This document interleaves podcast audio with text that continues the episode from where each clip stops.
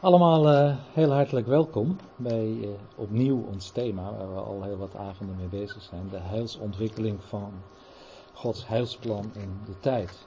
En uh, we hebben met elkaar ja, de verschillende fasen in Gods heilsplan bestudeerd. En die hebben we met elkaar gekoppeld eigenlijk aan de verschillende personen.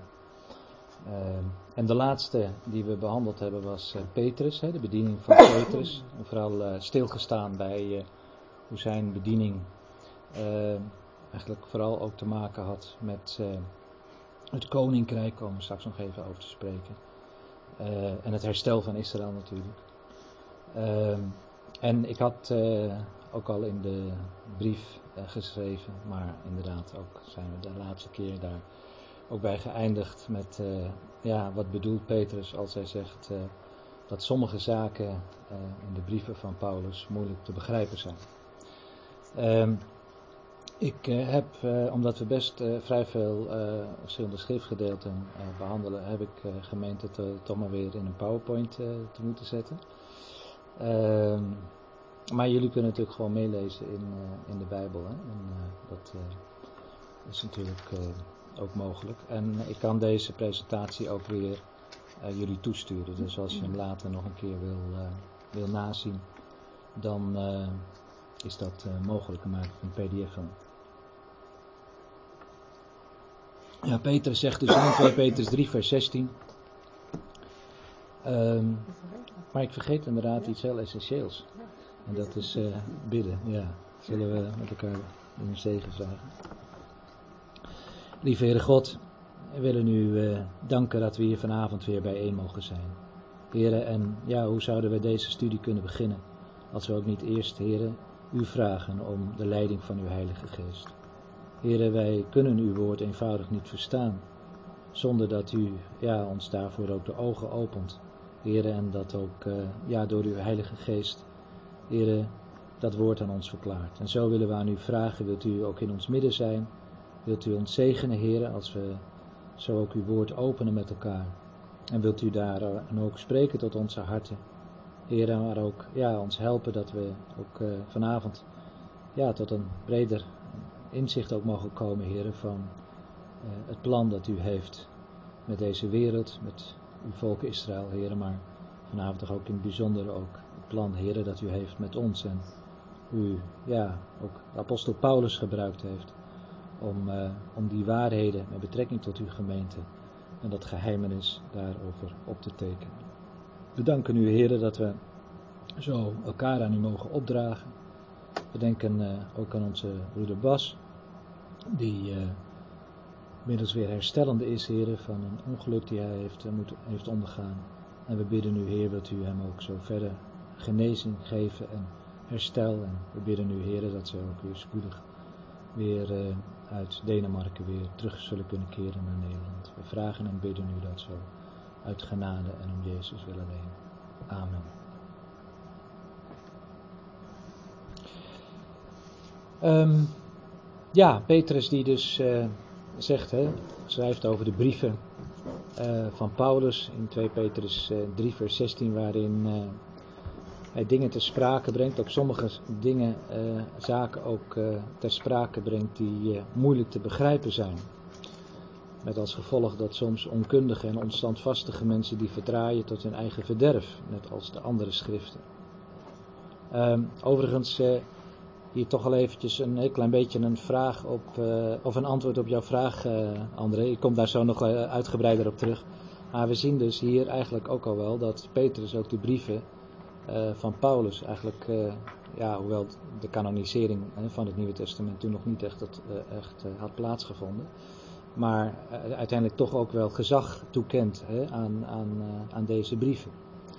alleen, en daar zullen we dus vanavond het ook met elkaar over gaan hebben, dat er sommige zijn die, ja, die sommige dingen zijn, sommige zaken zijn die moeilijk te begrijpen zijn. Um, nou, dat zal ook wel een klein beetje een, de lijn zijn ook van, uh, van deze avond. Uh, in de eerste plaats, uh, de bediening van, uh, van Petrus en Paulus waren tot op zekere hoogte verschillend. En dat schrijft eigenlijk ook Paulus hè, in Galaten 2. uh, dat aan hem het evangelie, of aan Petrus het evangelie was toevertrouwd van de, of aan Paulus de, het evangelie was toebetrouwd uh, van de onbesnedenen. Dat, dat is eigenlijk een aanduiding voor de heidenen. En dat Petrus ja, het evangelie was toevertrouwd aan de besnedenen. Ehm, hij spreekt ook over Petrus, dat de Heer in hem gewerkt heeft, ook met het oog van het apostelschap onder de besnedenen. En hij werkte door mij met het oog op de heidenen. Uh, er is dus een onderscheid tussen uh, de bediening van Paulus en Petrus. We hebben de vorige keer vooral stilgestaan bij de bediening van Petrus. En wat een van de dingen die opvalt, en die dacht ik de vorige keer uh, niet met jullie heb behandeld. Volgens mij een beetje om destijds willen. Kwamen in tijdnood. Um, maar is opvallend dat, dat, uh, dat, dat Petrus ook, ook door de Heren ook heel duidelijk ehm, de opdracht krijgt. Hè, Johannes 21, die bekende woorden. Hè, hebt gij mij lief, hè, gij mij waarlijk lief. Hè, die ontmoeting die de Heer daar met Petrus heeft. En dat de Heer dan zegt, wijd mijn lammeren. En in Johannes 21 vers 16, en hoed mijn schapen. En bedenk dat, dat dit, ja, dit moeten we niet, niet al te exclusief opvatten.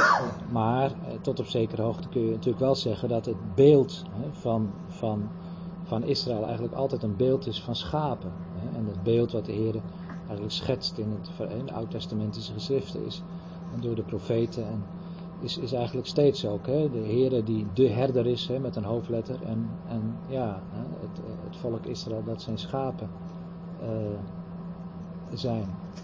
Uh, Petrus die bijvoorbeeld dat ook in zijn brief uh, schrijft. Hè? De ouderlingen onder u roep ik u ertoe op. Als mede-ouderlingen getuigen van het lijden van Christus en deelgenoot van de heerlijkheid die geopenbaard zal worden. Hoed de kudde van God die bij u is. En houd daar toezicht op. Niet gedwongen, maar vrijwillig. Niet uit winstbejag, maar, maar bereidwillig. Ook niet als mensen die heerschappij voeren over het erfdeel van de Heer. Maar als mensen die voorbeelden zijn voor de kudde geworden. En als de opperherder verschijnt, dan zult u de onverwelkelijke krans van de heerlijkheid verkrijgen. Um, natuurlijk is dit, eh, zou je kunnen zeggen, gewoon één op één uh, toepasbaar op uh, ja, de positie van ouderlingen vandaag in de gemeente. Hè. Dus, dus ik, wil, ik, wil, niet zeggen van ja, dit, dit, is uh, iets wat, wat, wat alleen voor, voor, de Joden is, voor de Joodse gelovigen is bedoeld. Dat is absoluut niet het waar. Maar je ziet hier ook weer hè, dat, dat Petrus ook weer dat, dat beeld hè, van, van schapen ook, ook gebruikt. Ook in zijn vocabulaire eigenlijk ook meeneemt. Hè, en ook uitziet ook naar de verschijning van, van, van de opperherder.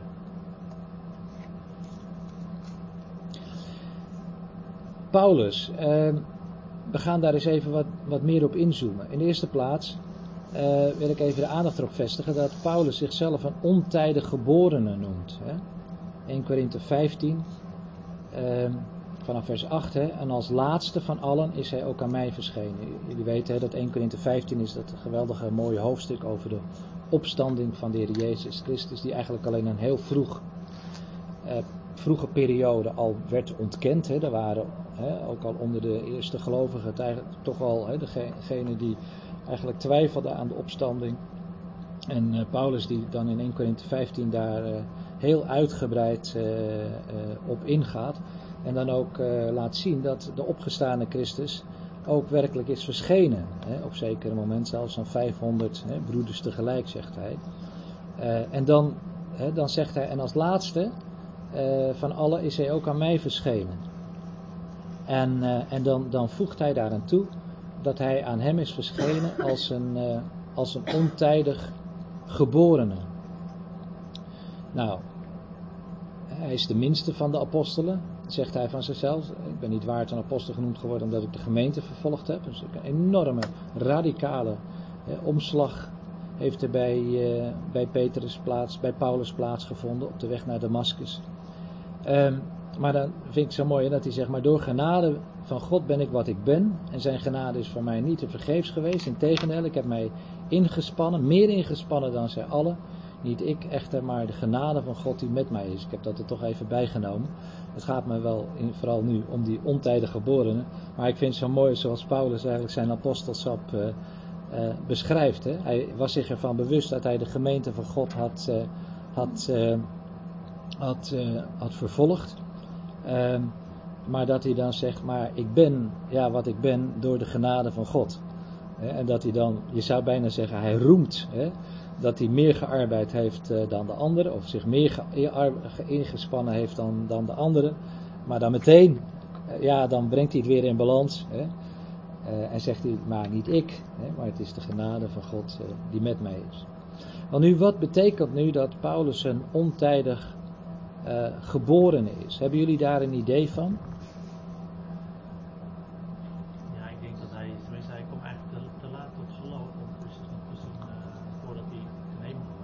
Ja, hij komt, ik, ik, herhaal even wat je zegt. Hij, hij, uh, hij komt eigenlijk tot, uh, te laat tot geloof. Uh, nadat, nadat Christus al ten hemel gevaren is. Ja, als hij, ja. Als hij eerder zeg maar, Christus was gaan volgen, dan had hij ook op Christus was opgestaan. Ja. ook gezien, zeg maar. Ja. Maar daar, hij kan, ja. Ja, ja, ja, inderdaad. nou, nou denk ik dat het verschijnen hier en natuurlijk inderdaad dus te maken heeft met, uh, met zijn opstanding. Hè?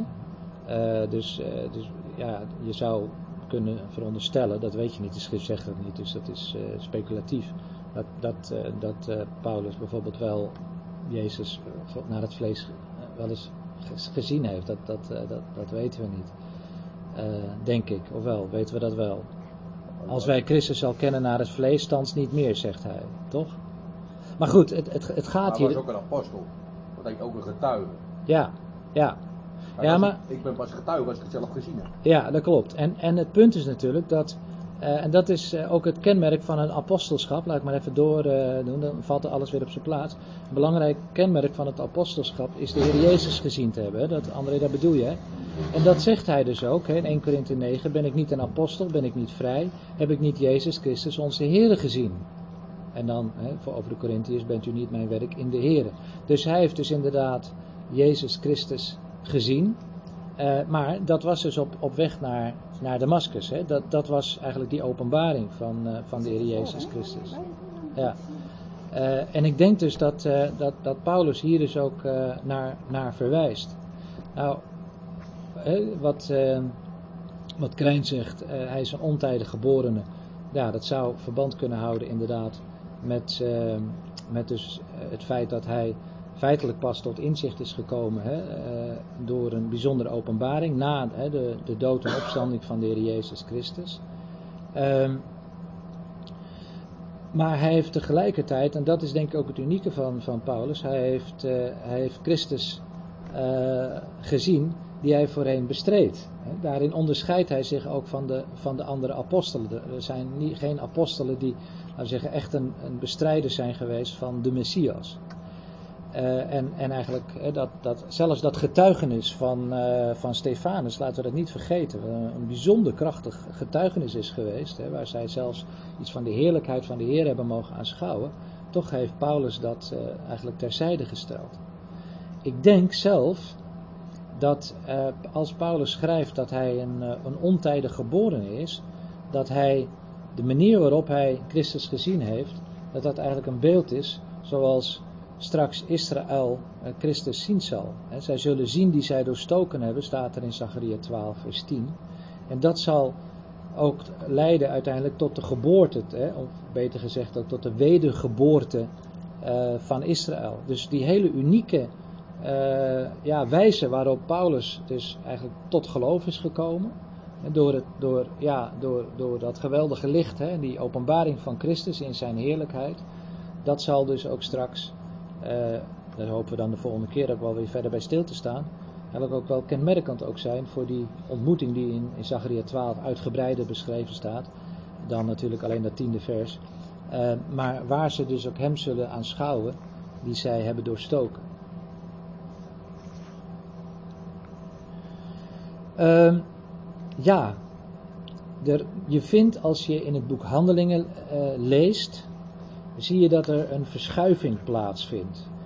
Paulus, eh, Petrus' bediening eh, komt eigenlijk langzamerhand meer op de achtergrond eh, te staan. En de bediening van Paulus wordt na Handelingen 15 eigenlijk leidend. Maar ik denk dat ik dat zelfs wat te zwak heb geschreven in de, in de verdere geschiedschrijving. Eigenlijk is het zo dat we na Handelingen 15, en dat is dat apostelconvent, hè, ehm, dat je dan niet meer over Petrus leest, maar eigenlijk de geschiedenis verder doorgaat met de geschiedenis van Paulus. hè, Die dan eigenlijk eh, ja, zijn bediening dan daar eigenlijk helemaal eh, centraal staat. Hè, en natuurlijk de persoon van Christus die hij verkondigt. Even ter herinnering, dat apostelconvent was naar aanleiding van het feit dat sommigen eh, zeiden dat je zonder eh, besneden te zijn eh, eigenlijk niet eh, behouden kon worden. De besnijdenis zou moeten plaatsvinden. En dan geeft dat nogal wat reuring. En dan reizen de broeders af naar, naar Jeruzalem. Jeruzalem is ook, laten we zeggen, de plaats hè, waar, waar ook ja, de apostelen zich bevonden. Eigenlijk het centrum van de toenmalige kerk, hè, noem het zomaar eventjes, of van de gemeente. En, en daar vandaan, eh, ja, daar waren de, hè, de oudsten van die tijd. Hè. Denk, het, is, gaat, het gaat natuurlijk om een proces. Hè. Het is niet van de een op de andere moment gaan. Hè. Dat, daar zit een ontwikkelingsproces, hè, ligt, ligt daaraan ten grondslag. En dan is het eigenlijk zo mooi dat, eh, dat dan op zeker moment eh, Paulus dan ook, of Petrus, sorry, nu ga ik even te ver, Petrus dan ook opstaat. Nou, die tekst heb ik, eh, heb ik niet, eh, eh, maar die hebben we de vorige keer behandeld, hè, in Handelingen 15. eh, dat hij dan ook ja, zegt hè, dat, dat, dat er inderdaad hè, alleen ja, zaligheid is in Christus. We kunnen die, die, die teksten wel even erbij halen. 4 en 5. Kijk, zie je, dat moet je even hebben. Gewoon iemand die aantekeningen maakt. Handelingen 15. We dan even naartoe gaan. Ik dacht dat ik hem eh, erbij gezet had, maar dat heb ik dus niet. Dat dus Petrus dan, eh, dan opstaat.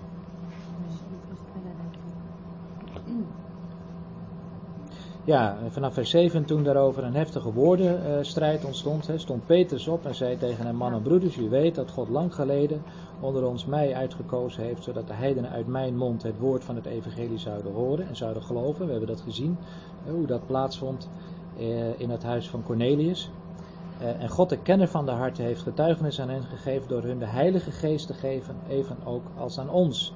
En hij heeft geen onderscheid gemaakt tussen ons en hen en heeft hun hart door het geloof gereinigd. Wel nu, dan waarom verzoekt u God door een juk op de hals van de discipelen te leggen, dat onze vaderen en ook wij niet hebben kunnen dragen.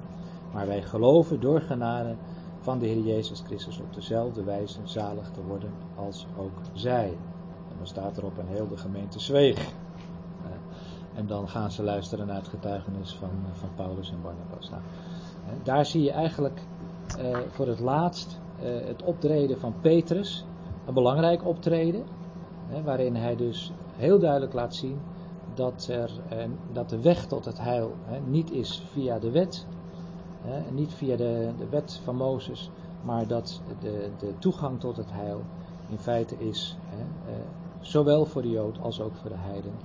eh, door het geloof en de genade natuurlijk van, geloof in en de genade van de Heer Jezus Christus. Wel nu, als we nou de bediening van Paulus verder volgen, dan zien we dat eh, Paulus eigenlijk in eerste instantie hetzelfde evangelie brengt als ook de apostelen brengen. Hè? Als ook eh, Petrus brengt en ook de andere apostelen brengen. Ehm, en, en, en dat is het evangelie eh, dat God eh, dus ook in de oud-testamentische geschriften al heeft geopenbaard. Het was geen nieuw evangelie. Zo begint trouwens ook de Romeinenbrief. Hè? Dat, dat hè, Paulus, een apostel van Jezus Christus, ehm, afgezonderd voor het evangelie, ik zeg nou even uit mijn hoofd, dat moet je eigenlijk niet doen als je het niet exact weet. Romeinen 1, eh, misschien hebben we die tekst trouwens ook nog wel een keer behandeld. Eh, eh, een geroepen apostel afgezonderd tot het evangelie van God. En dan staat er in vers 2 dat hij tevoren beloofd had door zijn profeten in de heilige schriften. Bedenk dus dat het evangelie van, van, van de gekruisigde en opgestane Christus en het heil in hem was in feite een boodschap die dus ook in die oud-testamentische geschriften ook terug te vinden was. En ook vanuit die oud-testamentische geschriften ook gepredikt is geweest. Want als men, zoals Petrus bijvoorbeeld, dacht ik de vorige keer ook bij, bij stilgestaan in zijn handelingen, in zijn uh, Pinkstertoespraak, uh, dan citeert hij gewoon de oud-testamentische geschriften. Hij bewijst vanuit de oud-testamentische geschriften, geschriften hè, dat, dat Jezus de Christus is, de Messias is. Uit de lijn van David, en ook rechthebbend op de troon van David, al die dingen die komen voorbij in die, in die toespraak van Petrus. En het opvallende is als dan op zeker moment uh, Paulus uh, dan uh, zich moet verdedigen voor koning Agrippa in, in Caesarea. Paulus die gearresteerd wordt in, in Jeruzalem en dan uiteindelijk dan daar terechtkomt. Er is een heel verhaal, gaan we nu even niet op in. En maar dan, dan gaat hij zich verdedigen voor koning Agrippa. En dan zegt hij in handelingen 26, vers 6 en 7. en nu sta ik hier en word geoordeeld over de hoop op de belofte die door God aan de vaderen gedaan is. Nou, welke vaderen zijn dat? Is dat Augustinus of... Uh, hè? Nee, natuurlijk niet. Dat zijn, hè? dat zijn de, vader, de vaderen van Israël. Hè? Abraham, Isaac, Jacob, noem ze allemaal maar op. Die vaderen. Hè? En, en die hoop, die bracht Paulus. Die hoop van die vaderen. En natuurlijk, we denken ook, zullen we zo ook zien, dat ook Paulus ook in de eerste plaats ook die hoop ook gebracht heeft, ook met het oog op het herstel van Israël. Want nog steeds stond, om zo te zeggen, de deur open voor Israël om tot bekering te komen. Als zij tot bekering hadden, hadden gekomen, dan, dan zou dus ook die hoop in vervulling zijn gegaan. Zegt hij ook, die eh, over op de hoop, eh, op de belofte houden, even dat woord hoop vast, daar komen we ook nog in handeling 28 tegen. Uh, over de hoop op de belofte hè, die door God aan de Vader gedaan is, die onze twaalf stammen hopen te bereiken door voortdurend dag, nacht en dag God te dienen. Om deze hoop, koning Agrippa, word ik door de Joden beschuldigd. Uh, wat is de verdediging van Paulus? Dat hij helemaal niet iets nieuws brengt, dat hij beschuldigd, eigenlijk valselijk beschuldigd wordt, omdat hij dingen brengt die gewoon te verifiëren zijn in de oud-testamentische geschriften. En ook uh, nog uh, vanaf vers 19, daarom koning Agrippa ben ik de hemelse verschijning. Hij gaat dan vertellen wat, hij, wat, hem dan, wat heeft plaatsgevonden op de weg naar Damascus. Uh, ik ben die hemelse verschijning niet ongehoorzaam geweest, maar heb ik eerst aan hen die in Damascus en in Jeruzalem in heel het land van Judea woonden, en later aan de heidenen verkondigd dat zij tot inkeer moesten komen, zich tot God bekeren en werken doen in overeenstemming zijn met de bekering. Dat heeft hij gedaan in Jeruzalem, in het land van, van Judea. Eh, en later aan de heidenen. Hij is dat ook aan de heidenen gaan verkondigen.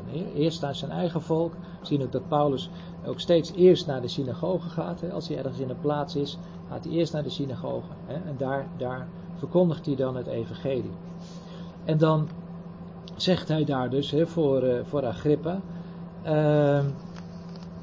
Hierom hebben de Joden mij in de tempel gegrepen en geprobeerd mij om te brengen.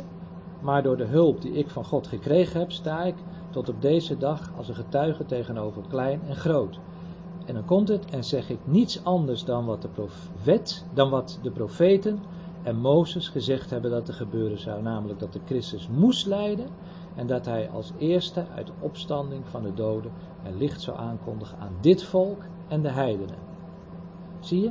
Dit is puur oud-testamentisch. Dit is hè, wat, waar, waar, waar Paulus dus aan refereert en zich verdedigt. Hij brengt geen nieuwe boodschap. Het is de boodschap die gewoon te vinden is in de Joodse geschriften, om ze zo maar even aan te duiden. Uh, hij sluit dus aan, hè, Paulus sluit dus aan bij het getuigenis van de profeten, uh, ook van de Heer Jezus. Eh, en de andere apostelen, denk bijvoorbeeld aan, aan Johannes 5, vers 46, hè, waar de Heer Jezus dan zegt: Als u Mozes geloofde, zou u mij geloven, want hij heeft over mij geschreven. Mozes. Uh, de profeet, denk bijvoorbeeld aan, aan, aan uh, Deuteronomium 18 is dat, dacht ik, als ik het uit zeg. Waar, waar, waar Mozes profeteert over een profeet zoals hij, die komen zou. En dat haalt dan ook Paulus dan ook Petrus weer aan in Handelingen 3. Hè, en die, die, die, uh, die uh, profeet die is feitelijk niemand anders dan de Heer Jezus Christus.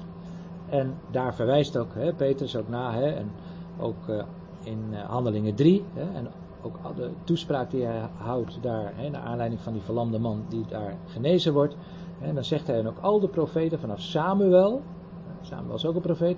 En zo velen als er daarna gesproken hebben, hebben deze dagen aangekondigd. En dan zegt hij, u bent kinderen van de profeten, van het verbond dat God met onze vader sloot toen hij tegen Abraham zei, en in uw nageslacht zullen alle geslachten van de aardbodem gezegend worden. Het is opmerkelijk trouwens dat je hier ziet dat de HSV, dat woordje nageslacht, dus letterlijk zaad, met een hoofdletter schrijft. En uh, ik denk ook dat het zo interpreteerbaar is. Want we weten ook uit de gelaten brief, gelaten 3 vers 16 als ik het uit mijn hoofd zeg, dus pin me er even niet op vast. Ik dacht het wel, dat Paulus dan zegt dat hij de belofte gedaan heeft aan Abraham en aan zijn zaad. En dan zegt hij in dat zaad is enkelvoud, welke is de Christus. Um, dus zo zou je dat kunnen lezen, hoewel die hoofdletter N hier natuurlijk interpretatie is. Maar vertalen is interpreteren? Dat, dat weten we. En bijbelvertaling zit altijd ook een bepaalde theologische visie, hè? gaat daarachter uh, schuil. Um, dus, maar, en op zich is dit uh, ook goed. Um, zo, zo is het ook interpreteerbaar. Uh, aan de andere kant ook als je natuurlijk ziet in, in Genesis 12, daar hebben we ook bij stilgestaan met de roeping hè, van Abraham, dat hij dat de Heer dan ook zegt dat met Abraham, je kan daar ook lezen in Abraham, maar ook met Abraham zullen alle geslachten der aarde gezegend worden. Dus, dus daar zie je dus in feite dat de toekomst van de volkeren der aarde ook heel erg afhankelijk zijn uiteindelijk van Abraham natuurlijk en dan met name zijn het nageslacht van Abraham. En we kunnen ons dus ook voorstellen dat ook wat hier, wat, wat, uh, wat, wat Petrus ook zegt, ook in relatie staat tot het herstel van Israël, dat dan ook straks zijn roeping onder de volken zal krijgen als een koninkrijk van priesters. Uh, Exodus 19, vers 6, geloof ik. Is dat waar? Nou, nee, ja, nou ja, paratenkennis. Uh, dat is natuurlijk niet een uh, onderwerp waar ik nooit over spreek. Wat? Dus moet je nog een Is goed, oké, okay, hij is goed. Exodus 19 vers 6, ja. Oké. Okay. ja. Dus, ja. Um, en in die, in die context staat dus ook, ook feitelijk ook ook, ook de prediking, hè, we zullen dat ook zien. Het herstel van Israël op voorwaarde dat het ook tot bekering zal komen.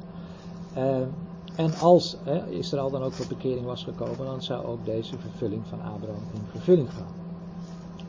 Nou, we gaan even snel door. Er zijn uh, in de handelingenbrief, in de handelingen uh, boek, het boek Handelingen, het is geen brief, vinden we wel een belangrijke context. En we hebben dat al vaker gezegd, een historische context. Het boek Handelingen is niet zomaar geschreven als, nou ja, een mooi verhaal.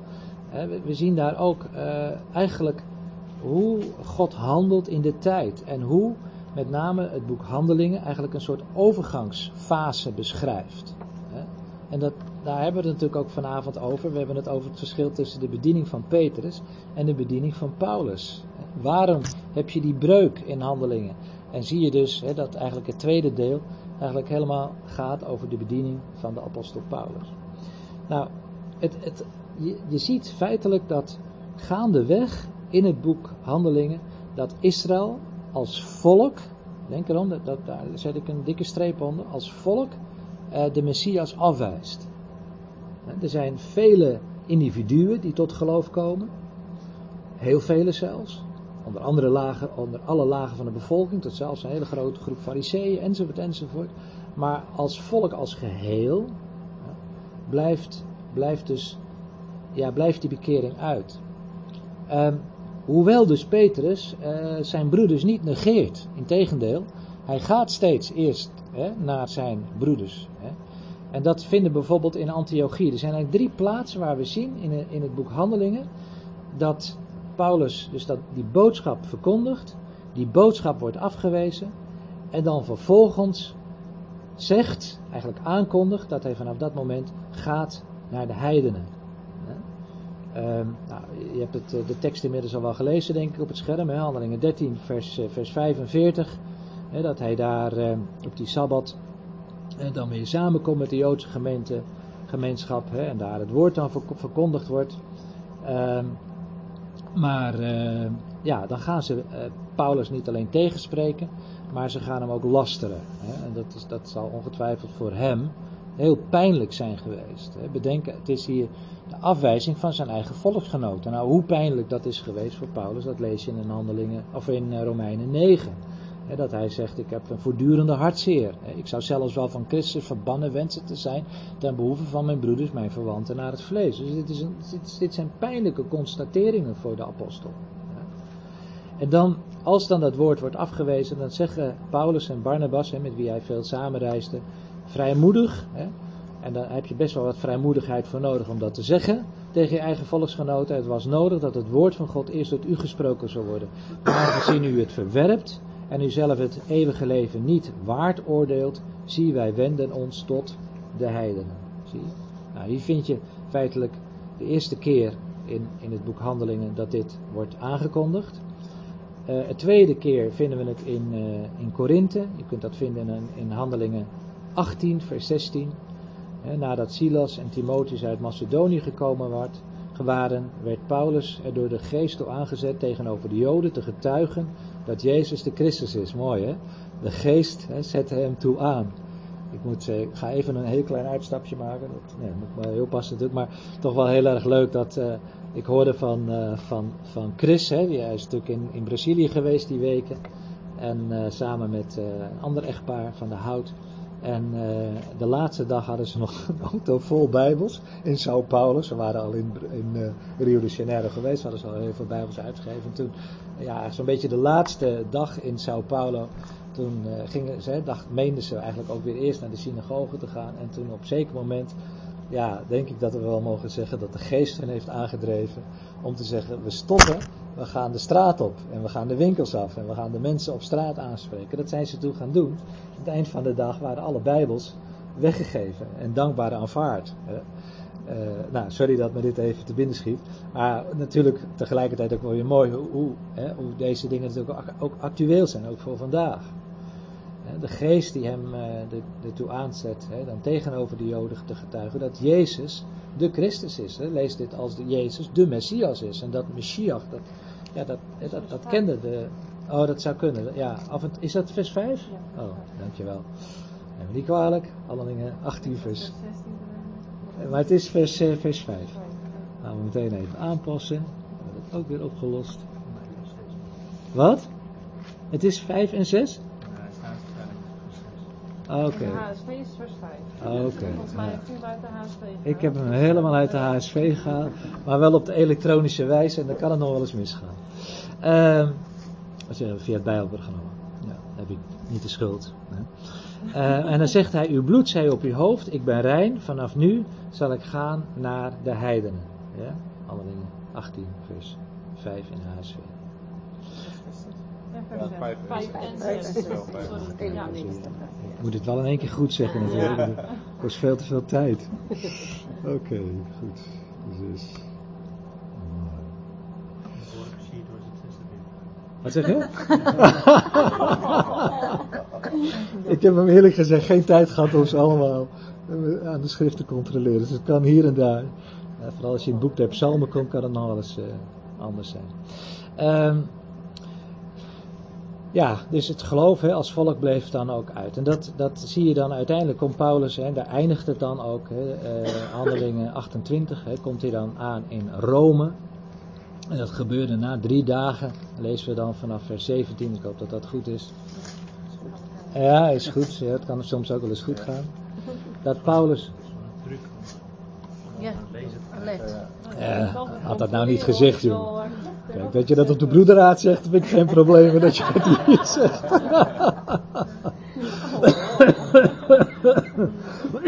ja, over transparantie gesproken? Ja, precies. Ja. Dat is meer transpiratie dan transpirantie hoor, bij. Maar goed, dat Paulus hen, die de voornaamste van de Joden waren, bijeenriep hè, in Rome. Dat was een grote Joodse gemeenschap daar. En toen ze bijeengekomen waren, zei hij tegen hen, man en broeders, dat kon hij zeggen, want het waren zijn eigen broeders, ik die niets gedaan heb tegen het volk of de gewoonte van de vaderen. Ik ben uit Jeruzalem als gevangene overgeleverd in de handen van de Romeinen.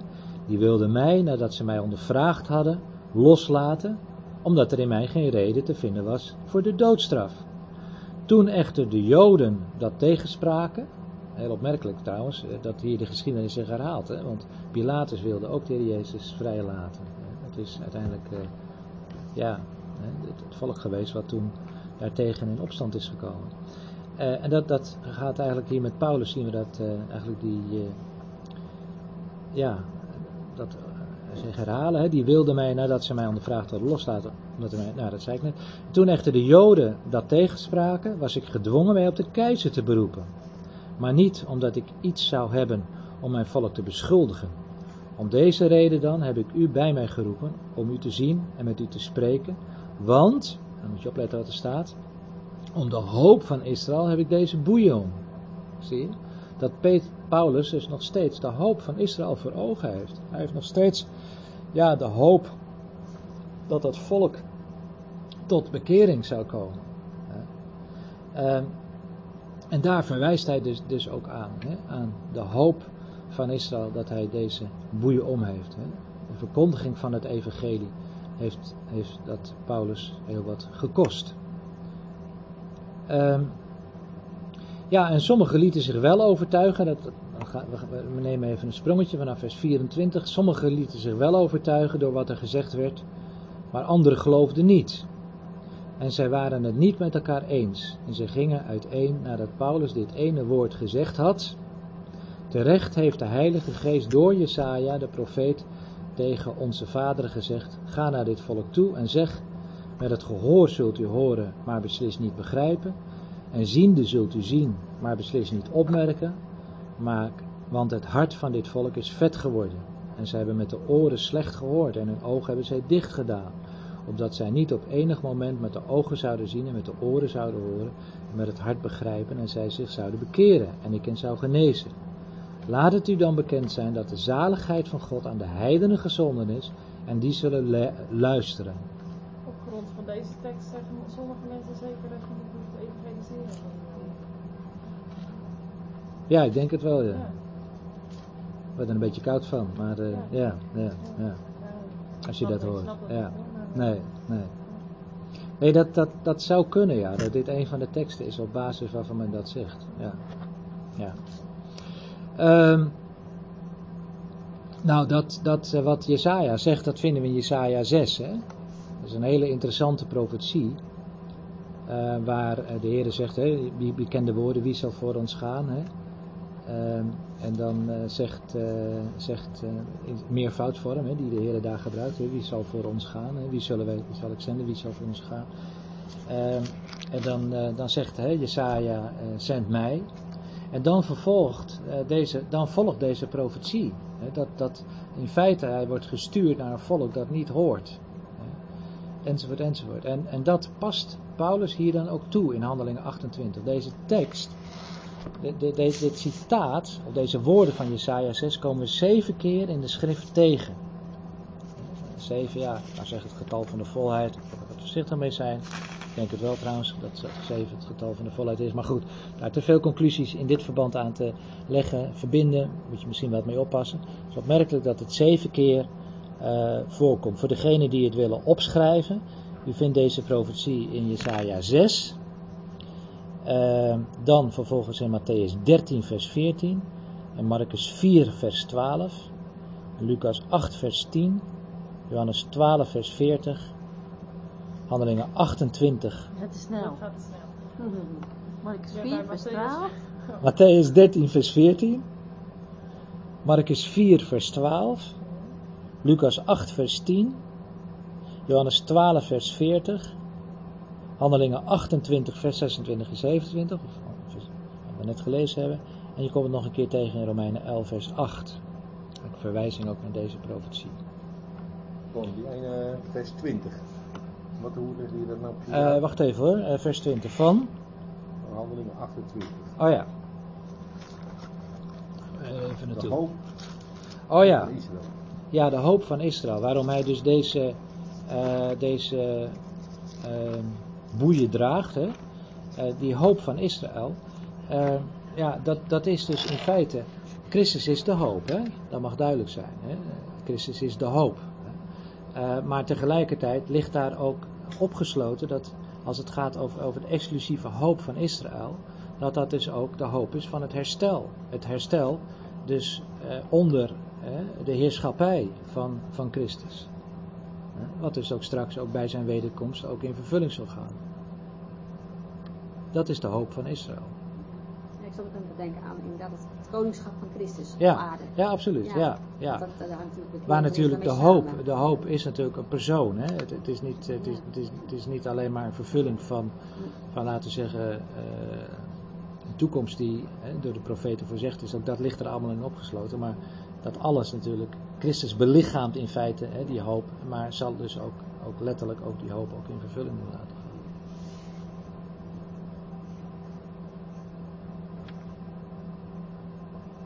Ja, en dan uh, zie je eigenlijk dat in, in Romeinen 11, Romeinen 19 en 11, uh, het zijn die drie hoofdstukken hè, waar, waar het natuurlijk gaat, waar Paulus dus uiteenzet het, uh, het heilshandelen dat God dus doet met zijn volk Israël. En het mooie vind ik zelf, niet alleen dat Paulus daarin aangeeft wat hij doet, maar eigenlijk Paulus ook mag onthullen waarom hij dat doet. Dat is het mooie van Bijbelstudie, hebben we wel heel vaak tegen elkaar gezegd.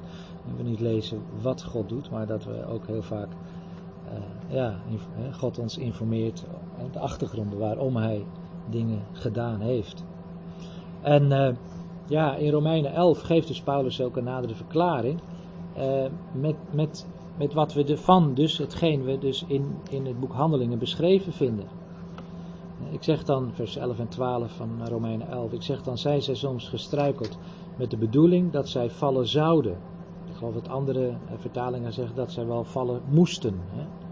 Nou, dat is natuurlijk niet het geval. Het is niet, een, het is niet zo dat, dat, dat dit een fatalisme is of iets dergelijks. Hè? Een fatalistisch godsbeeld wordt, uh, wordt, wordt, wordt opgeroepen hier door Paulus. Dat is eigenlijk wat hij hier bestrijdt.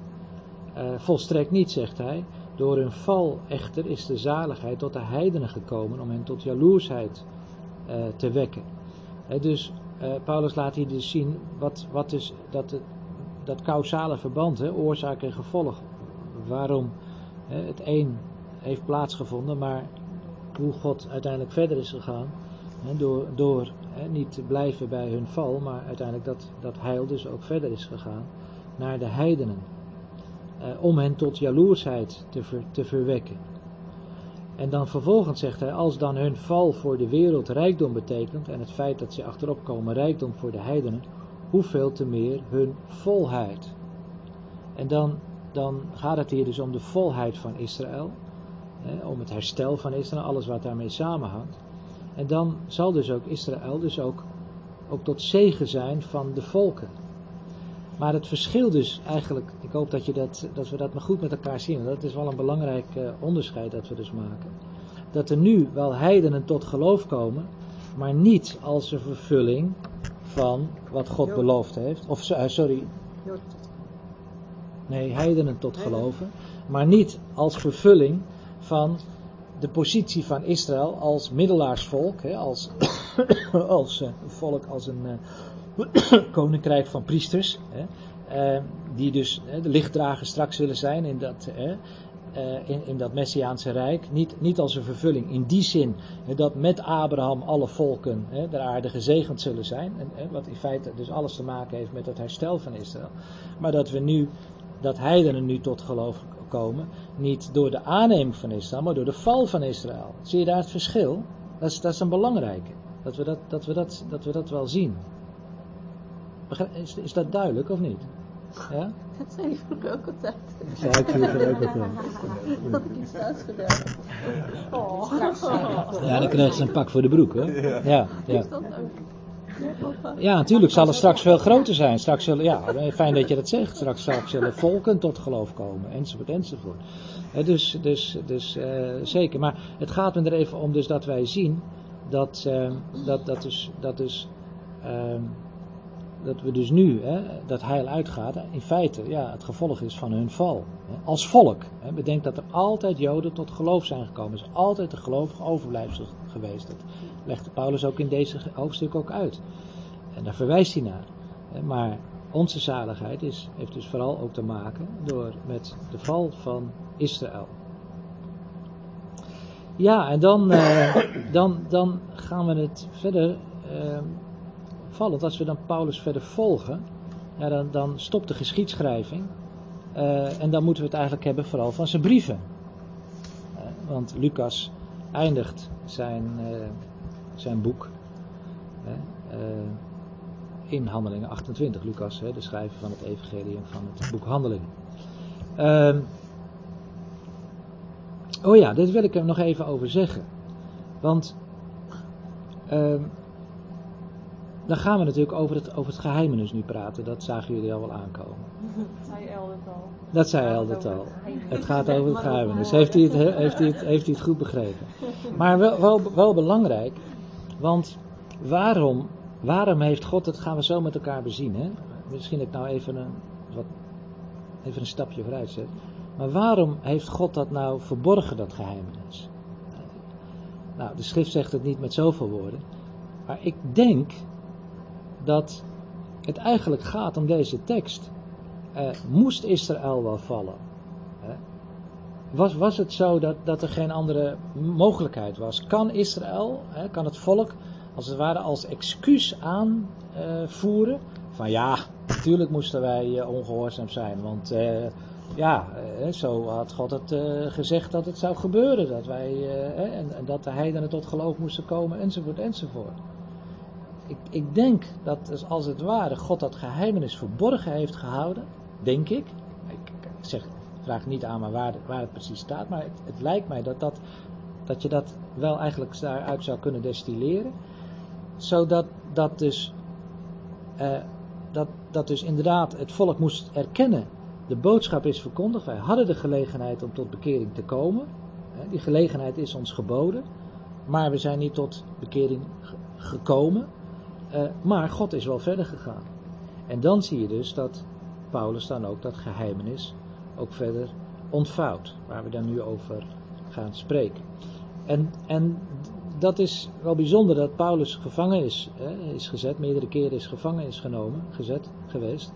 Maar dat uh, ook in die gevangenisbrieven dat geen nutteloze tijd was. Hè. Dat, een hele mooie geestelijke toepassing ook uh, voor ons. Dat we soms wel eens denken van er gebeuren dingen dat je denkt dat is uh, nou eigenlijk helemaal niet efficiënt. Hè, om zo te zeggen, voor de voortgang van het evangelie of wat dan ook.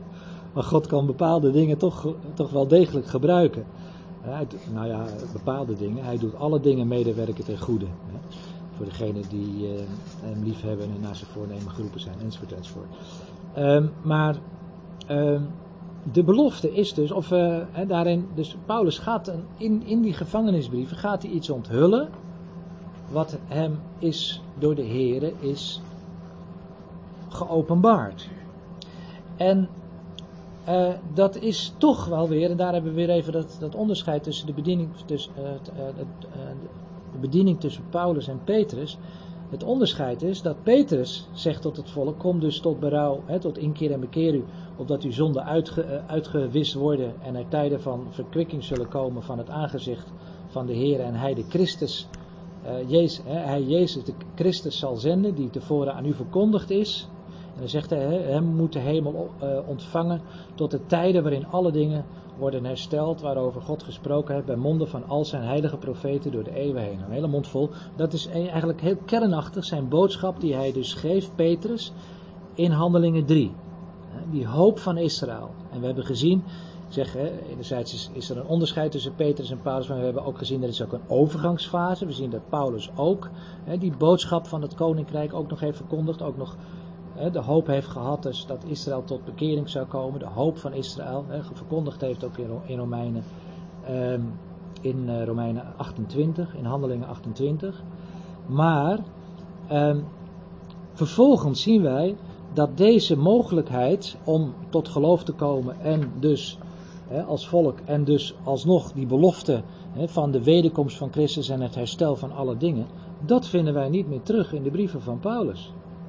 Want door hun val is het heil tot de heidenen gekomen, hebben we net met elkaar gezien. En dan zien wij ook dat Paulus in uh, bijvoorbeeld Efeze 3, en daar kunnen we al even uh, naartoe gaan, uh, uiteenzet. Ehm, ja, wat zijn boodschap is. En ja, ik zei het net al, God doet alle dingen medewerken ten goede.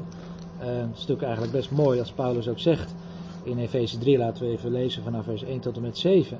Om deze reden ben ik, Paulus, de gevangene van Christus Jezus. Wij zouden zeggen, met onze menselijke redenatie, zouden we zeggen, ja, hij is een gevangene van, uh, van Rome.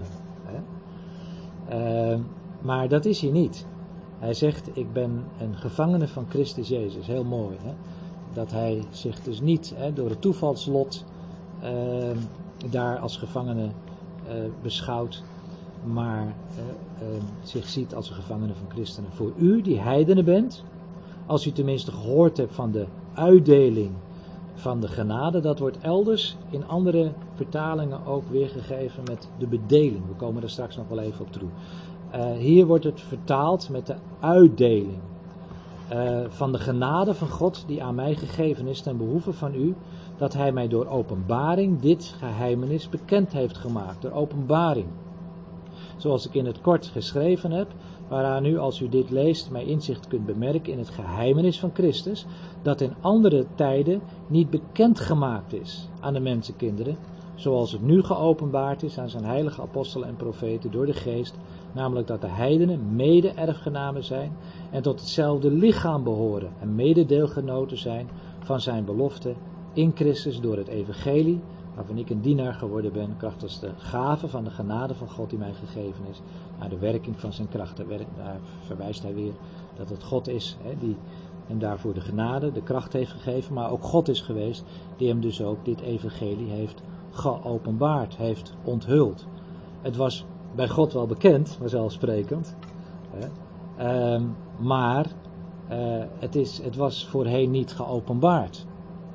En ik denk dat dat eigenlijk ook de moeite is geweest bij vele gelovigen, ook in die tijd, om die omslag te maken. Dat is nogal wat geweest.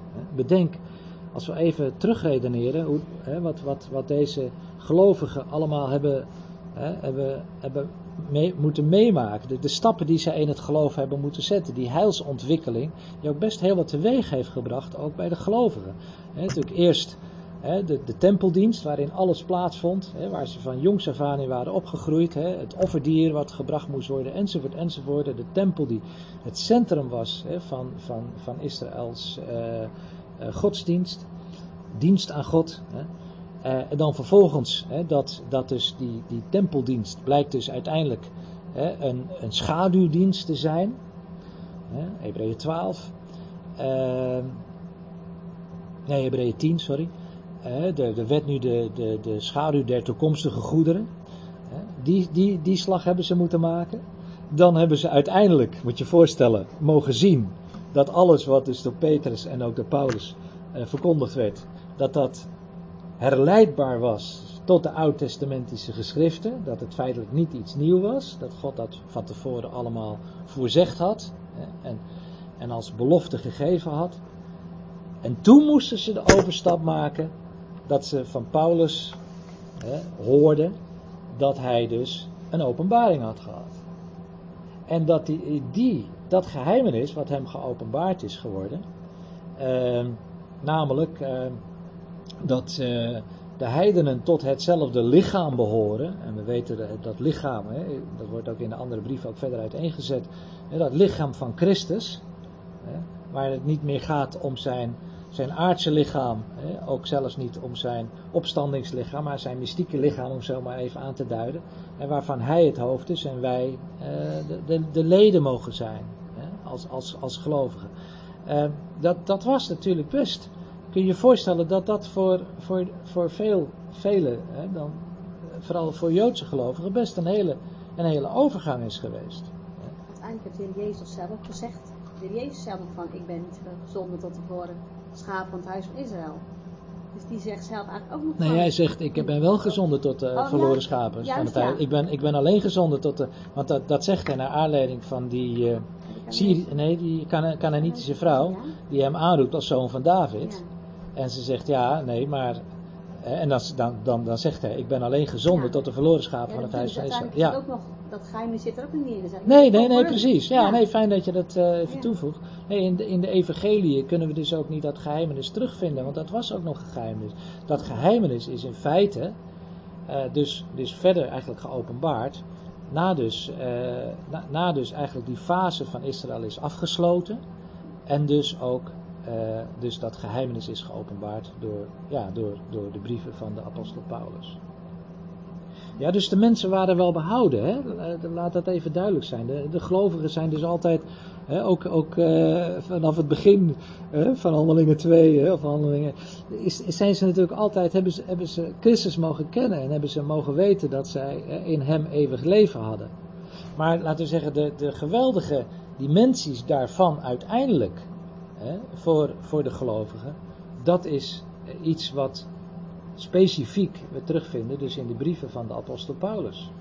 En die dus ook natuurlijk, ook, hè, eh, staat hier ook dat in andere tijden niet bekend is, zoals het is aan de mensenkinderen, zoals het nu geopenbaard is, zijn heilige apostelen en profeten door de geest. Hè, dus ook, ook, ook, ook de Heer heeft dat, dat, dat getuigenis van hè, wat hij geschreven heeft, die, die, dat geheimenis wat hij geopenbaard heeft, ook, ook, ook bevestigd ongetwijfeld ook in de andere hè, die eh, apostelen hè, en profeten die, die toen, daar, toen nog werkzaam waren. Ja? staat hier zeg maar dat de heidenen behoren tot hetzelfde lichaam en dat ze deelgenoten worden van de belofte. Ja, wat, hoe, hoe verhoudt zich dat tot de hoop van Israël? Eh, die hoop van Israël, dat is een belofte. ja, dat is een belofte. Maar Ja. dat is een andere belofte dan deze. Dat is, een, dat is eh, een andere belofte dan deze. Ja. Het blijkt ook als je, ook als je verder eh, leest, dat ook eh, wat, wat Paulus ook heeft mogen, die openbaring van dat geheimnis, was in feite natuurlijk ook een belofte. Het gold niet alleen voor dit leven, maar ook voor het leven hierna. De wederkomst van Christus. als Christus verschijnt die ons leven is, zullen wij met hem verschijnen, enzovoort, enzovoort in heerlijkheid. Je ziet dus, en dat, dat is ook een hele belangrijke, eh, essentieel punt, dat het aardse langzamerhand overgaat in het hemelse. Dus laten we zeggen, de aardse toekomst van Israël was een toekomst met aardse zegeningen. En nu zien wij eigenlijk eh, gaandeweg dat, eh, dat wij hier dus te maken hebben met dus een lichaam, wat natuurlijk onder het oude verbond niet, niet, ja, niet, niet, niet, niet gekend was. Maar het, het lichaam eh, eh, van, ja, uiteindelijk het lichaam van, van Christus, waar, waar, waar we dus Jood en Heiden, als het ware een organisch, eh, in, met, verbonden met het hoofd, een organische eenheid vormen. Dat was onder het Oude Testament natuurlijk sowieso ondenkbaar. Hè. Maar hier zie je dus dat, dat dit, en we kunnen wel even, even verder gaan. Mag ik? Ja, ja. Over hoeveel tijdsbestek praat je dan? Die hele verandering? Ja, ik denk, ik denk, een, ik denk een, een drie decennia of zoiets ongeveer. Schat ik zo in. Want 70 na Christus is natuurlijk eh, het andere markeerpunt. Hè? Eh, dus de verwoesting van, eh, van, van Jeruzalem, waar we natuurlijk verder niet, niet in de schrift over worden geïnformeerd. Ook niet in het Nieuwe Testament over worden geïnformeerd. Geïnformeerd dan alleen natuurlijk profetisch in de eindtijdregel van de Heer Jezus. Mag ik nog een vraag stellen? Ja, In 5 vers 32. maar niet de moeilijke vragen hoor. Ja. 5 vers 32 staat ook, de geheimnis is groot. Ja. Is dat dan een ander geheimnis? Efeze of is- 5 vers 32. Of is dat hetzelfde? Nou, het mag duidelijk zijn dat. Oh ja, dat geheimenis. Maar ja, met betrekking tot het huwelijk. Bedoel je? Ja. En dit geheimenis is groot. Is dat hetzelfde? Ja, is ook een geheimenis. Of is Ja. dat een andere? Heb je verschillende geheimenissen? Nou, dat, het geheimenis eh, heeft dus meerdere facetten. Oké. Ja? En een van de facetten die Paulus hier dus in Efeze 5 beschrijft, is hoe dus, is dus de zorg van Christus voor zijn gemeente. Die mag je niet uit eh, opmaken dat dus de gemeente eh, de bruid is of iets dergelijks, dat is weer een andere gedachte. Eh, maar, maar je ziet hier wel dus dat, dat eigenlijk de zorg die, die Christus heeft voor zijn gemeente, eigenlijk wel weerspiegeld moet worden ook in het huwelijk. Dat, dat, is, eigenlijk de essentie van Efeze 5. Dus het is een onderdeel inderdaad van het geheimenis. Maar bedenk dus dat dat, dat geheimenis, en dan hebben we het dus vooral ook hè, over het feit dus dat Jood en Heiden eh, ja, in Christus hè, zijn. En dus ook in Christus ook een organisch eh, geheel vormen, waarin de Jood ook niet meer is hè, dan, dan de gelovige heiden. Ze zijn vol- volkomen één. En hebben dus ook een hemelse eh, toekomst en een hemelse roeping en ook een hemelse bediening. Daar komen we zo nog even over te spreken. Vandaar dus ook, hè, ik vond het wel mooi, eh Bastian heeft twee eh, studies gehouden hè, op zondagmorgen over eh, eh, verlichte ogen. Hè? Toch? Uitverkiezing. Uitverkiezing, oh ja, da- ja daarvoor heeft hij over, eh, ook gesproken Nieuwe over, ogen. hè, of nieuwe, nieuwe ogen, ja. Hè, en, en dat is natuurlijk ook wat, wat belangrijk is om deze dingen te verstaan. Want kijk, dat, dat eh, zie je natuurlijk ook in Efeze 1, dat Paulus ook een gebed doet. Efeze 1 vanaf vers, eh, eh, nou laten we even lezen vanaf vers 15. Efeze 1 vanaf vers 15, daarom omdat ook ik gehoord heb van het geloof in de Heer Jezus onder u en van de liefde van alle heiligen, houd ik niet op voor u te danken, als ik in mijn gebeden aan u denk, opdat de God van onze Heer Jezus Christus, de Vader van de heerlijkheid, u de geest van wijsheid en van openbaring geeft in het kennen van Hem, namelijk verlichte ogen om eh, van uw verstand, om te weten wat de hoop van zijn roeping is en wat de rijkdom is van de heerlijkheid van zijn erfenis in de heilige. Nou, laten we maar even tot, tot hier ver, eh, tot, tot, tot, tot zover even lezen. Eh, het was een geheimenis. Dat geheimenis is aan Paulus geopenbaard. Ja? En tegelijkertijd zie je dat Paulus hier ook bidt dat, eh, dat de gelovigen ook de geest van openbaring mogen ontvangen, zodat ook het aan hen wordt geopenbaard. Ja, anders hij ik praat wat, ze, wat. Ja. Ja.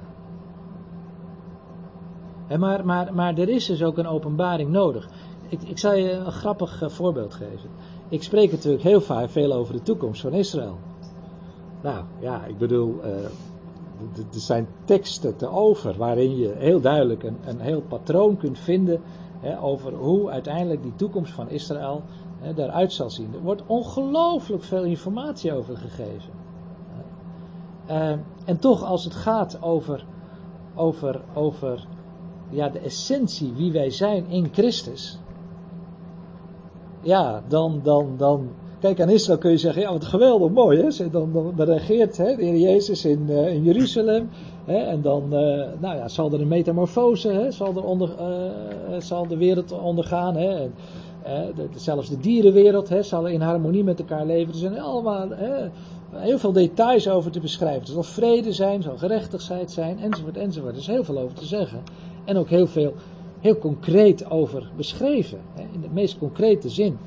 Maar het wonderlijke is natuurlijk, of het wonderlijke, maar het opmerkelijke is, als het gaat om het geheimenis, om onze positie in Christus, wie wij zijn in Christus, onze hemelse plaats die wij inmiddels al mogen innemen, want wij zijn met Christus verborgen in God, Colossense 3. Dat is iets ja, wat je niet zo even op een schoolbord eventjes eh, met een stukje krijt eens eventjes uiteenzet.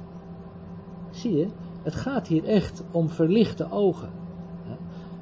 Paulus openbaart heel veel dingen, brengt geweldige geheimenissen, hè, openbaart hij in de brief, hè, met name ook aan de Efeze, de Colossense brief enzovoort. Maar uiteindelijk het verstaan ervan, ja, Paulus zegt, daar, daar bid ik voor, dat, dat, dat is wat aan mij geopenbaard is, ja, als het ware ook, hè, ook aan jullie geopenbaard wordt en dat God je dus ook, ja, die, die ogen hè, van het verstand eh, dan ook opent. Hè, verlichte ogen van uw verstand om te weten wat de hoop van zijn roeping is. Nou, nogmaals, het is, het is hè, de, de essentie van die hoop. Ja, dan kom je dus inderdaad weer bij Christus. Maar het gaat om een hemelshoop. En wij kunnen nou één keer, ja, alleen maar, laten we zeggen, vanuit onze aardse positie kunnen wij denken in tijd en ruimte. Hè, in, in, in, in de dimensies die ons nu, hè, als in ons aardse lichaam ter beschikking staan. Laten we zeggen, de hemelse dimensie. Eh, dat, dat, is iets wat, wat, wat, hè, wat voor ons mensen verborgen is, tenzij ja, de Heer het ons ook door, door zijn geest ook openbaart. En vandaar ook dat het zo belangrijk is om, om ons dus ook met deze dingen ook, eh, ook, ook bezig te houden. Niet om ons te verheffen boven anderen of wat dan ook, maar ons ook te verheugen in die, eh, in die geweldige positie die God ons in Christus geschonken heeft. En dat we vanuit een hemels perspectief naar het aardse mogen kijken.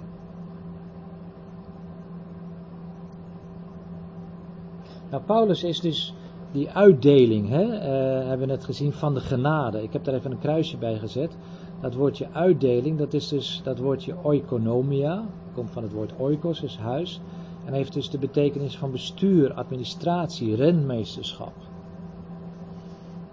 Datzelfde woord, dat, dat is eigenlijk ook bijbelstudie, dat je eens kijkt van nou datzelfde grondtekst, eh, grondwoord, waar komt het nou voor in het Grieks, op andere teksten. Nou, bijvoorbeeld kun je dat ook lezen in Lucas 16, waar het ook, eh, vers 2, waar het ook, eh, ook, ook het, het wordt vertaald met rentmeesterschap.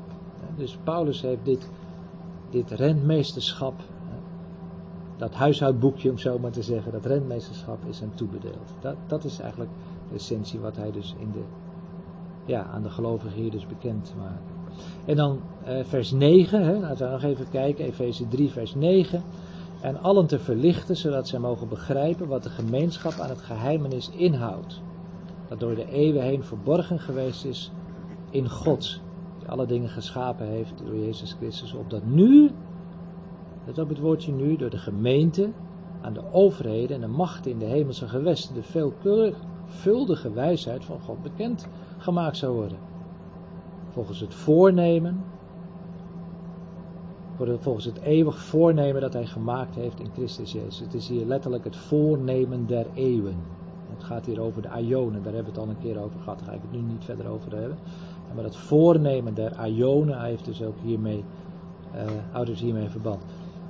Maar het is dus voorheen, door de eeuwen heen is het verborgen geweest. Het was er wel, want iets wat verborgen is, is er wel. Alleen het is verborgen. En het is verborgen geweest in God. God wist dat het zo zou gebeuren. En God heeft de tijden overzien. En wist dat deze dingen zouden gaan gebeuren. Maar het is verborgen geweest in God. We hebben net al even gezien wat mogelijk de achterliggende gedachte is waarom dit verborgen is gehouden. En nu dus wordt door de gemeente, ja wat is die gemeente? Ja dat is dus dat lichaam van Christus. Dat is niet de kerk. Als, als we denken aan de kerk dan denken we aan een instituut of we denken aan het gebouw, de kerk. Met de toren en weet ik wat allemaal prachtig. Architectuur enzovoort. is schitterend te bewonderen. Maar het gaat hier over de gemeente en dan gaat het over, een, over het lichaam van Christus. En toen wij in Bolivia kwamen, of uh, waren, hebben we ja, gelovigen ontmoet. Uh, midden in de, in de jungle. Uh, die daar samenkwamen in een hutje. Als dat er al was. en dat was, was de gemeente van Christus. En, en prachtig hoe, hoe, dat daar functioneerde ook. In, in hele uh, uh, ja, omstandigheden die heel uh, bazaal waren. Eh, maar, maar waarin toch dat lichaam van Christus functioneerde. Heel mooi. En dat is wat, wat Paulus hier ook voor, voor, voor ogen heeft.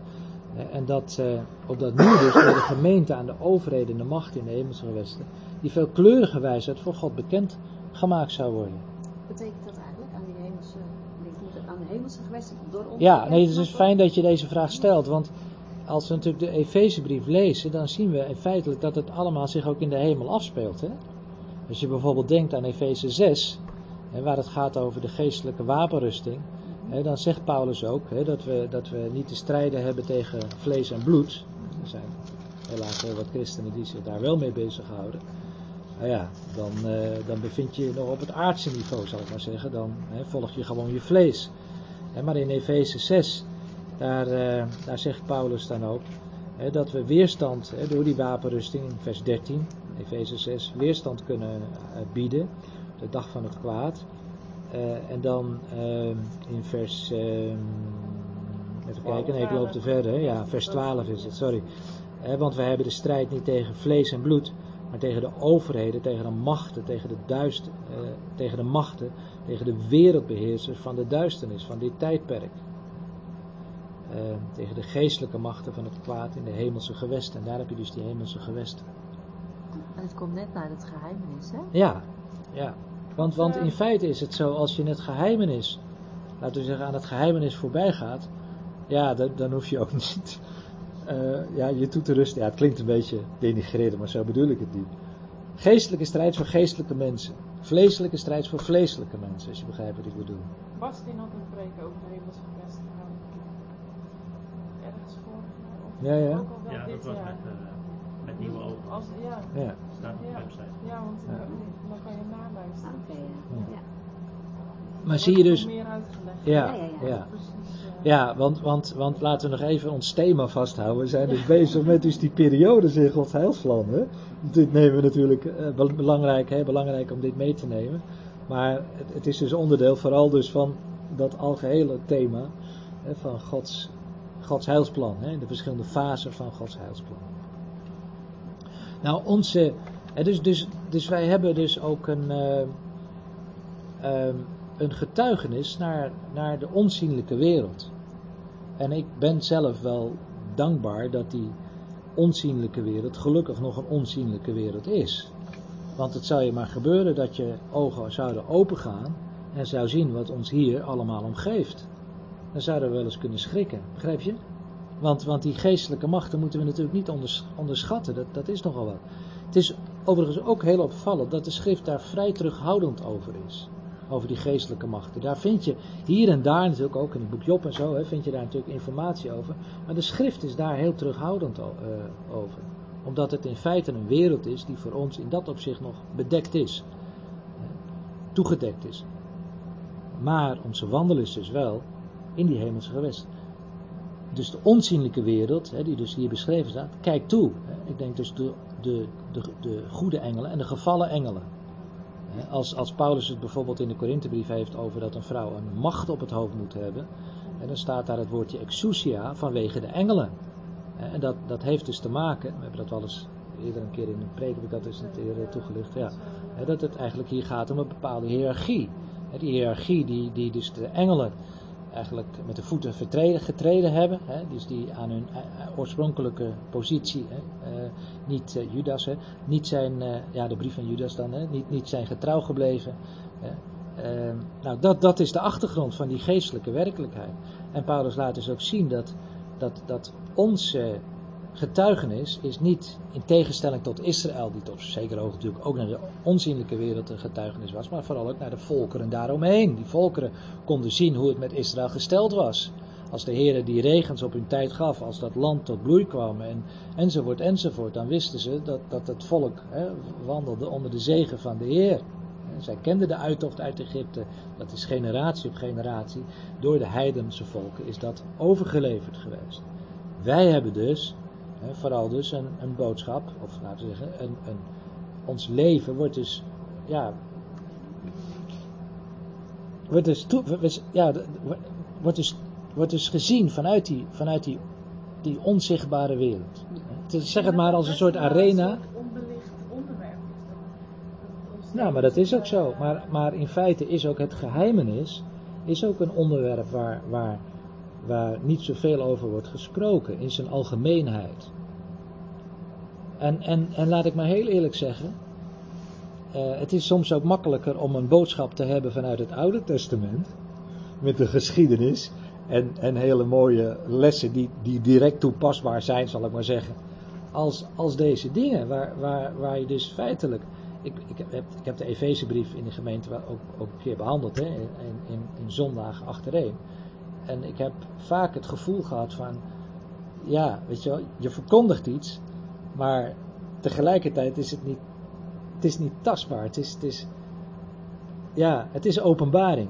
En, en, en, en tuurlijk, er, worden heel veel, er wordt best wel informatie over gegeven, maar nogmaals gezegd, het is niet met een, eh, met een krijtje op het bord even in schema eh, weer te geven. Uh, is, het, is het ook zo dat je er eigenlijk veel over moet weten? Is het niet zo dat wij eigenlijk een uh, getuige, dat God ons een getuige Ja. Ja, Uh, dat, dat wij niet precies, precies hoeven te weten waarom en hoe nee, dat het zo is. nee. Door Job, in de geschiedenis Ja. van Job zie je dat ook een beetje. Ja, dat is natuurlijk een hele uitzonderlijke. nou, je gaat dus niet met elkaar naar huis, dat is wel duidelijk. Maar, Nee, eh, eh, oh, goed. mensen bij- die dat, bij- eh, die bij dat is- afluisteren. Ja, bij Job. Dat, uh, God tegen en Satan eigenlijk Ja. hebben. Dat, dat is helemaal waar, eh Krijn. Alleen het verschil is dat Job het niet wist. En, het, en inderdaad, eh, de geschiedenis is geopenbaard. Hier is natuurlijk het, eh, het verschil eh, dat wij dus deze dingen ook weten. En dat, dat we dus ook, inderdaad, ik zei ook net, hè, Israël of, of in dit geval Job. Natuurlijk ook daar zie je dat er, dat er vanuit de onzienlijke wereld wordt, wordt meegekeken. Eh, eh, maar dat is toch vooral ook het, het, het kenmerk van de gemeente. Dat wij door als, als gemeente en, en in, in die hoedanigheid, in die positie, dus ook dat getuigenis ook uitdragen naar dus die, eh, die hemelse gewesten, die veelvuldige wijsheid. Vandaar dat Rebecca net al even verwees naar Efeze 5. Dat is een onderdeel van dat geheim. Dus hoe gaan wij met elkaar om? In ons huwelijk, in gemeente. Hoe, hoe, is die, hoe, is die, eh, ja, hoe zijn die verhoudingen ten opzichte van elkaar? Dat zijn feitelijk allemaal dingen waar dus ook vanuit die onzienlijke wereld eh, wordt, wordt, wordt meegekeken. En waarin uiteindelijk dan ook die veelvuldige wijsheid van God dan ook eh, bekendgemaakt wordt. Is dat hetzelfde als de gezonde leer? Nou, die gezonde leer is de basis voor natuurlijk deze waarheden. hè. Eh, vooral aan Timotheus, hè, kom je dat veel, dacht ik veel tegen, Ik dacht de gezonde leer. Maar ik weet niet Ja. zeker. Denk dat Paulus, eh, ik zal even nakijken, meerdere keren over die gezonde leer spreekt. Maar dat, dat is natuurlijk de gezonde leer die de basis is voor deze, voor deze, voor deze openbaring. Ik denk wel dat er zo'n meer bewustzijn is van dat die onzinnige wereld met je zeg maar, dat je daar bent, dat je dan ook een soort, ja, meer kan bereiken of zo. Dat je, ja, je leven niet voor niks is, maar dat er echt nog heel veel achter zit. Ja. Ja. En ehm, kijk, eh, als we het hebben over die hemelse eh, gewesten, dat is natuurlijk ook, eh, daar begint Paulus ook in mee, hè, in Efeze 1, vers 3. Ehm, dat wij dus ook gezegend zijn met alle geestelijke zegeningen in de hemelse gewesten. Dat, dat, is, dat, dat is onze zegen. En gelukkig heeft de Heer ons ook aardse zegeningen gegeven, waar we de Heer voor mogen danken. Maar die zijn geen vanzelfsprekendheid. Als dat een vanzelfsprekendheid zou zijn, dan zou je afvragen: en hoe handelt dan God? Nou, dan moet je maar eens aan Chris vragen, die in die Krottenwijk in Brazilië is geweest. Eh, ik heb het idee dat hij, dat er nog niet overheen is. Zo- Zo'n indruk dat het op hem gemaakt heeft.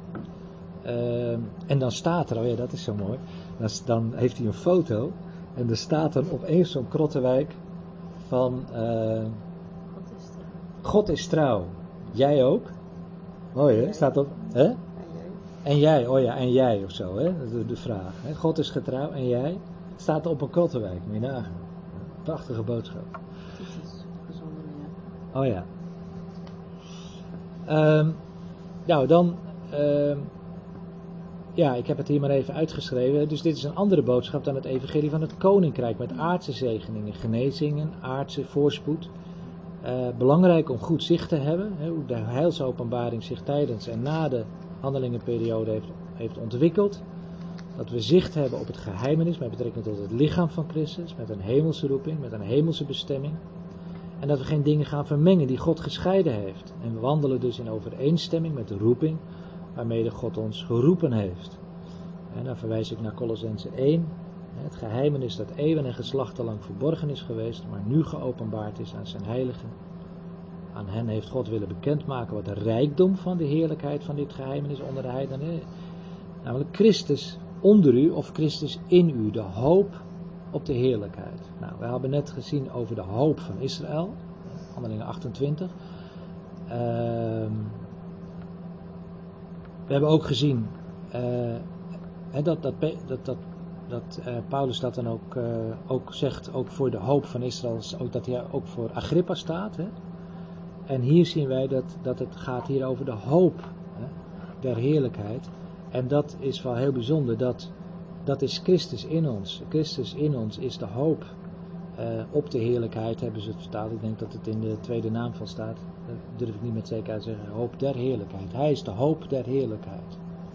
En, en, en dat Christus, de Messias van Israël, die woonde in, een, eh, in een tabernakel en later in een tempel.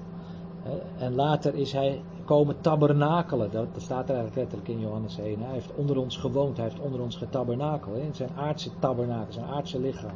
Dat hij nu hè, woont te midden van de heidenen. Hè, en zelfs in de heidenen. Hè, ons, ons lichaam is ook een tempel van Geest. Dat hij ook woont in ons. Ja, dat is iets wat, wat, wat, een, wat een verborgenheid was. In die zin. Dat, uh, dat hij onder die heidenen, in die heidenen. Dus uh, ja, dat, dat ja, woning heeft gemaakt. Je hoort tegenwoordig vaak van, uh, wil jij meehelpen in Gods koninkrijk? Ja, ja. Even Ja, ja je, je zal, ik, ik zal die uitdrukking niet gauw gebruiken. Ik begrijp wat ermee bedoeld wordt. Uh, maar maar, maar daar, uh, daar, daar, daar moet je voorzichtig mee zijn. Het, het is ook natuurlijk ook de gedachte laat, laat, die natuurlijk terug te, of te herleiden is op de gedachte dat de kerk de plaats van Israël heeft ingenomen. Dat de kerk het heilsorgaan is. waardoor God dan ook ja, uiteindelijk langs de weg der geleidelijkheid zijn koninkrijk op aarde zou vestigen. Maar uiteindelijk krijgen wij ook een een plek in zijn koninkrijk. Ja, ja uiteindelijk wel, dus ja in zeker. die zin is Ja. het wel Ja, meebouwen aan een koninkrijk, toch? ja alleen, alleen, alleen de connotatie van koninkrijk heeft in die, in, die, eh, in die context veelal te maken van het koninkrijk hier en nu zichtbaar maken op aarde. Ja, dat hoor je ook. Ja. En, en, en, en, eh, en terwijl wij natuurlijk eh, zijn overgezet in het koninkrijk van de zoon zijn liefde. We hebben laatst een hele studie of een hele conferentie gedaan over koninkrijk, het begrip koninkrijk. En ook laten zien waar nou dat woord voorkomt. En dat daar waar dat woord voorkomt, tegelijkertijd ook de context te vinden is hoe je dat begrip koninkrijk eh, moet invullen. Dus daar is altijd belangrijk om, om, om, om die, die dingen niet, niet zo, liefst zo weinig mogelijk te eh, weet je wel, zuiver te zeggen. Eh, zo- zodat het ook niet, eh, ja, niet, niet tot eh, verkeerde begrip kan leiden. Ehm, nou, hè, Colossense 3. Ehm, als u met Christus opgewekt bent, zoek dan de dingen die boven zijn. Dan zie je het weer, hè, die oproep waar Christus is, die aan de rechterhand van God is. Bedenk de dingen die boven zijn. En niet die op de aarde zijn. Dat was wel wat Israël deed. Hè, hoewel ze natuurlijk, natuurlijk altijd in relatie tot God zelf. Maar, maar hun zegen hè, werd, werd vertaald hè, door aardse zegeningen. Voor ons geldt dat niet, want u bent gestorven. Je leeft zelfs niet eens meer. Want uw leven is met Christus verborgen in God. Dat is ook zoiets waar, wat we zo moeilijk kunnen voorstellen. Maar we zijn gestorven. We zeggen, ja, maar we leven toch, we zien elkaar aan. Ja, dat is zo.